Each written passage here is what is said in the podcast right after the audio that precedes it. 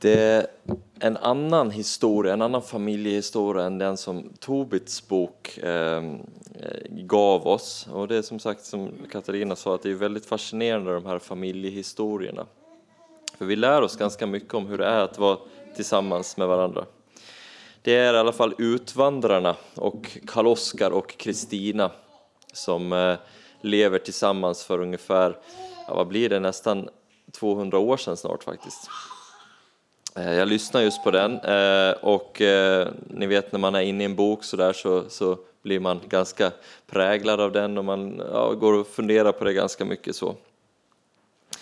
Och det är ju det här Vilhelm Mobergs epos över 1800-talets tuffa svenska vardag, där de går och sliter med sten, steniga åkrar i Småland och missväxt efter missväxt påverkar dem och till slut så Eh, är den här drömmen om ett, något annat, om de här feta jordarna i Amerika som eh, eh, lockar dem till att göra den skrämmande och riskfyllda resan över Atlanten. Men förutom att det är en spännande liksom, familjehistoria och att det är mycket släkten och mycket um, ja, olika saker man lär sig i den här väldigt detaljerade beskrivningen av, av hur Sverige var på den tiden så är det också en berättelse över hur historien och släktleden som har gått före har format och lagt grunden och dag för dag i Guds försyn vävt en väv där vi också får vara en del av. Och jag tänkte på det också på Tobits bok här att så var, det är också vår historia. Det är också vår historia trots att det är 700 år före Kristus. Så känner vi igen de här olika orosmolnen, vi känner igen de här olika känslorna, vi känner igen de här olika utmaningarna som det är att leva nära varandra. Eh, vi känner igen hur det är att ha svärmor och svärfar hos sig och vi känner igen eh, de här sakerna också. Så att eh, det är en väldigt, väldigt lärorikt att, att dyka ner i historien och de här, de här berättelserna. Dagens tema är som sagt att leva tillsammans och jag tror att dagens texter, för vi ska läsa både episteltexten och eh, evangelietexten, att de kan lära oss eh, någonting om hur förankringen i historien faktiskt fördjupar närheten till varandra. Och kanske kan vi som rubriken jag satt på dagens predikan faktiskt utrota ensamheten. Vi börjar med att be. Tack Herre för att vi får närma oss ditt ord igen och att vi får se vad de här gamla texterna kan faktiskt lära oss idag. Och tack för att när vi öppnar våra biblar och, och dyker ner i och liksom ja, förkovrar oss och fördjupar oss i det här så, så händer någonting i våra hjärtan, Herre. Tack för att du har lovat att din Ande ska lära oss och eh, verkligen leda oss igenom de här texterna men också att, att de här texterna inte bara ska få vara texter och tankar utan att det ska få ha eh, praktisk genomslag i våra liv och i andras liv och i hela den här världens liv, Herre. Så jag ber att, att den här något pretentiösa rubriken att utrota ensamheten, att den skulle få, få verkligen ta fart och att det verkligen i de här små situationerna och relationerna vi har, att det skulle få bli till verklighet, Herre. Så kom Herre med din Ande och andas över de här orden som jag har förberett och som Eh, vi har liksom predikat så många gånger, men att det får vara till uppmuntran och utmaning för oss idag. Det ber vi om. Amen. Vi ska börja med att läsa episteltexten och den är från Andra Timoteusbrevet, det första kapitlet och den tredje till femte versen.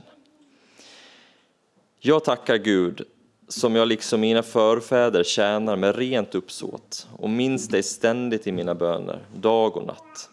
Jag minns dina tårar och längtar efter att få se dig igen, att fyllas med glädje. Jag har blivit påmind om den uppriktiga tro som finns hos dig och som fanns redan hos din mormor Louise och din mor Enuke.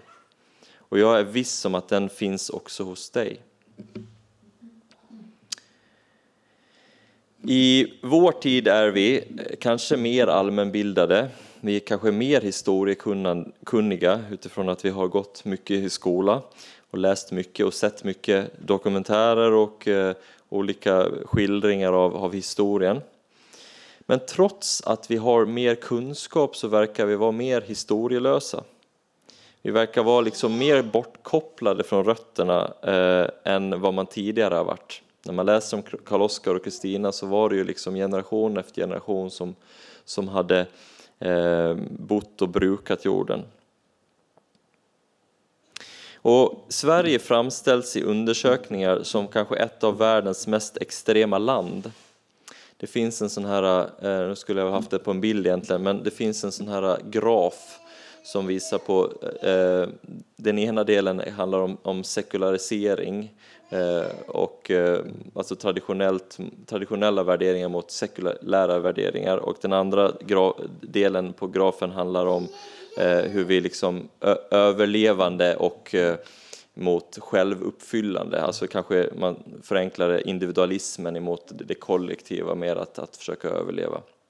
Och där hamnar Sverige liksom så långt upp i hörnet som det går.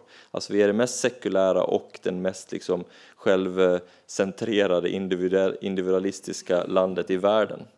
Så vi är ganska extrema på det sättet. Och det här faktum är också att, och det, om det är ihopkopplat eller inte, det kan man ju diskutera, men vi har också flest ensamhushåll i världen. Och enligt Folkhälsomyndigheten så uppger nästan en fjärdedel av alla som är 16 år och uppåt att de, att de besväras av ensamhet, alltså att de på något vis lider av ensamhet. Och man pratar om ensamhet nästan som en folksjukdom idag. Och eh, Bibeln är ju skriven i en annan tid och i en annan geografisk kontext där familjen och släkten hade en mycket starkare ställning. Många av böckerna i Gamla Testamentet inleds med långa släktträd där man beskriver eh, den ena var son till den andra och den där var dotter där och, och så vidare. Och det är liksom inte av en slump utan det är också vikten, tänker jag, att, att visa hur vi alla hör samman genom historien. Och dagens text så inleder ju Paulus med, i sitt brev till Timoteus att sätta sin tro på Gud i ledet efter sina förfäder. Jag tackar Gud som jag liksom mina förfäder tjänar med rent uppsåt.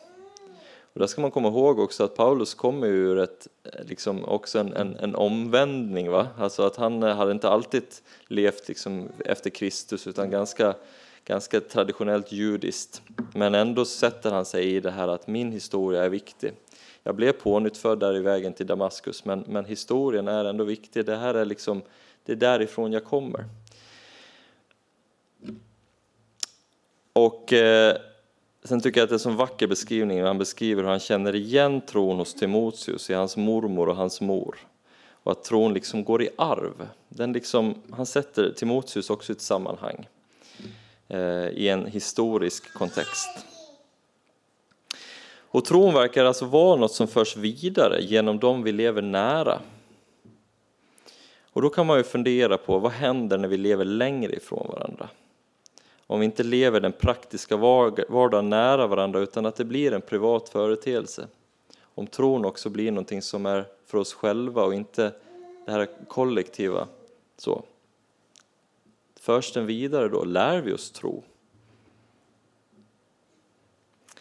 Och det är därför det är så fint med församlingen. Eh, här blir vi inte bara familjen större, det är inte bara det här blodsbandet som vi ärver ner utan det är också liksom, när, vi, när vi blir ett i tron så blir vi också bröder och systrar. Och där blir ju alla vi på något vis en, eh, där vi präglas av varandras tro. Eh, och att det går i arv genom generationer.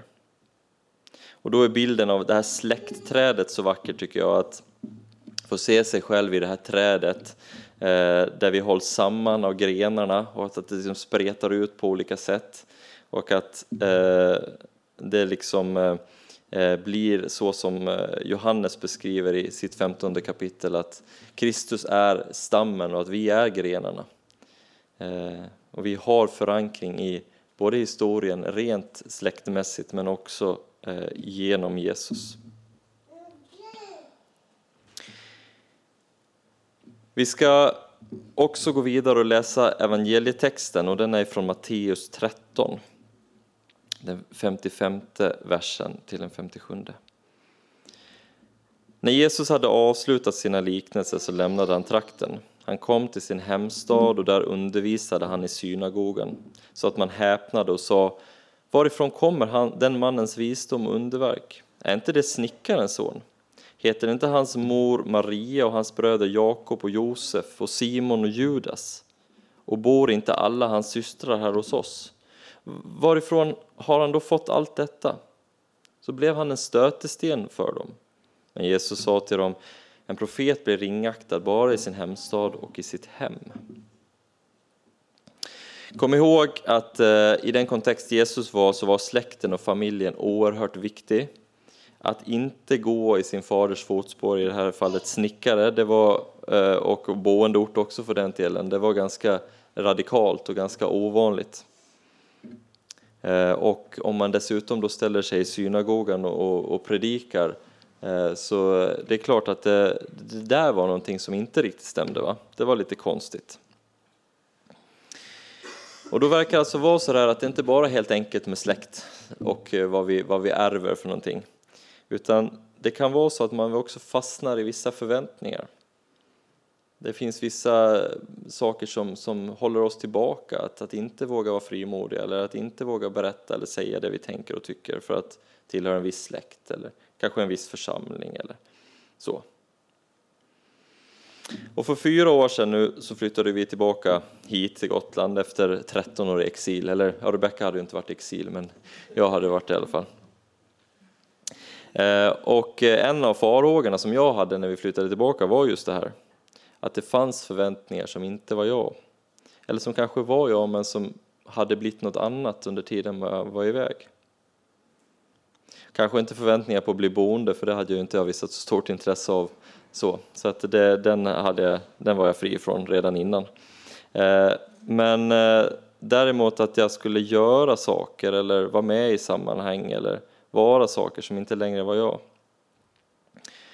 Men för mig har det visat sig vara en ganska obefogad rädsla för, eh, och det är klart att det finns detaljer och saker och ting som, som man alltid utmanar sig i. Men jag tror faktiskt att det var liksom som att det var lite förberett. Och när anden verkar och när vi liksom har en uppriktig längtan att få möta varandra på olika sätt eh, och lyssnar till varandra så tror jag då där, där finns frihet. Och där finns frihet att göra och säga och tycka och tänka det man vill. Och jag är väldigt tacksam att få ha blivit mottagen och accepterad precis som jag är. Och eh, men det är kanske så att vi kanske behöver tänka till kring det här med att, att faktiskt fundera på vad har vi för förväntningar och finns det vissa förväntningar som binder oss och som gör att vi inte liksom säger och tycker vad vi vill. Att istället för att säga ja, men jag vet vad du tänker så fråga men berätta lite mer. Hur, hur tänker du här? Vad tror du? Och där får vi bara forma det och, och, av den här uppriktiga tron, forma det och, och prägla det på olika sätt. För tron är inte liksom samma som den var för 20 år sedan, utan den utvecklar sig. Och anden rör sig så som vinden. Okej, okay, tillbaka till det här med ensamheten då och vad Bibeln och Jesus säger om hur vi ska lösa den här frågan om att hur ska vi utrota ensamheten. Folkhälsomyndigheten hade några tips på sin hemsida och det kanske finns vissa saker där som vi kan liksom hämta igen också. Men jag, men jag tänker att vi ska titta lite grann på vad Jesus gjorde efter han hade varit i sin hemstad där och blivit lite ifrågasatt. Då är det så att eh, han eh, får besked efter det här att Johannes döparen har blivit dödad av Herodes.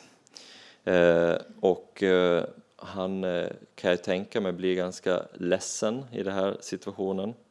Och han söker sig eh, till en öde plats, står det, för att vara ensam och söka Gud. Men efter han har varit ensam så möter han en stor skara människor, står det. Så drabbas han av medlidande och så predikar han för dem. Och efter det här är i den situationen då brödundret sker. när eh, de blir hungriga. Och eh, han välsignar brödet och de delar brödet och de Eh, blir mättade. Så jag tänker att här finns det liksom tre delar som jag tror är ganska centrala när vi tänker ur en biblisk och ur Guds perspektiv på hur vi ska liksom bryta ensamheten. Då tror jag att det första handlar om att söka Gud. Att dra sig undan till en öde plats som Jesus gjorde och söka Gud. För när vi söker Gud, när vi ber till Gud, när vi liksom, eh, Eh, då, då upptäcker vi att det finns ingen egentlig ensamhet, utan vi är alltid burna, vi är alltid tillsammans med Gud. Eh, och när vi har gjort det, då blir vi på något vis grundtrygga på ett annat sätt. Den andra delen som, som Jesus gör i det här, det är att han, eh, han drabbas av medlidande, står det. Så när vi vågar öppna våra ögon, trots att det är mycket elände, mycket lidande, men att faktiskt låta hjärtat brista lite grann. Känna att ja, det är liksom, det, det, det, finns ett behov här. Att drabbas av det här, den här känslan, det gör att det sätter oss i, i rörelse mot att, att göra någonting för de här människorna. Eller för varandra, ska jag säga. Och det tredje, dela måltid med dem det är, liksom, det är det mest bibliska sättet att, att dela gemenskap som, som finns, höll jag på att säga.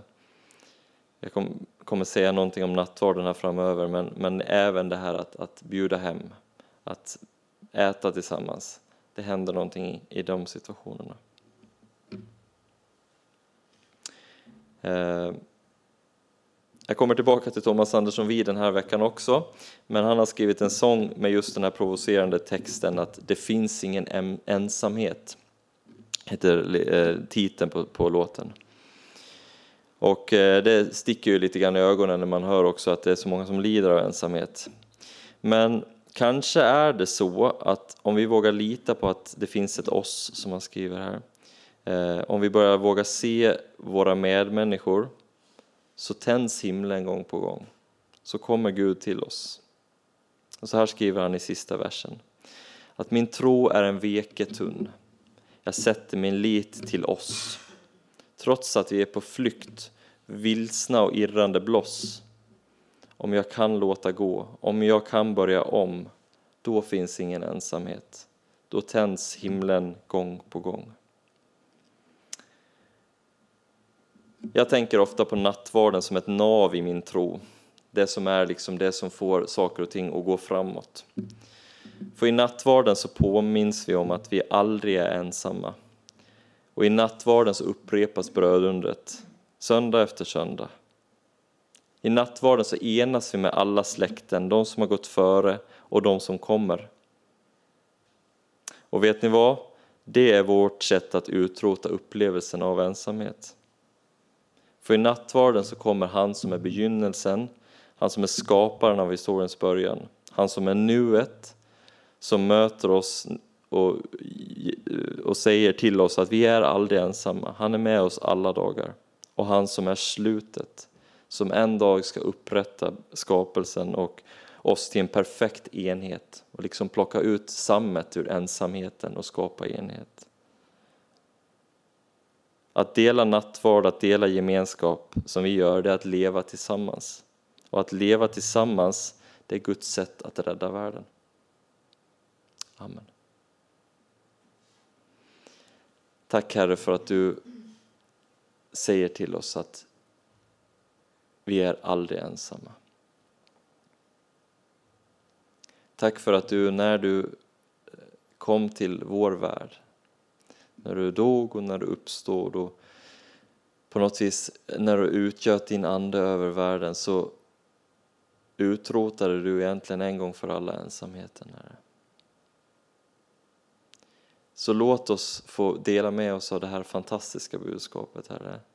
Hjälp oss att också genom att, att dela måltid med varandra, genom att, att eh, eh, fråga varandra frågor som vi kanske inte brukar fråga, också minska upplevelsen av ensamhet. Herre.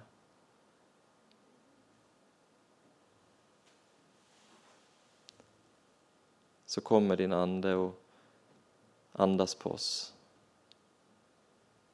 Det ber vi om i ditt namn. Amen.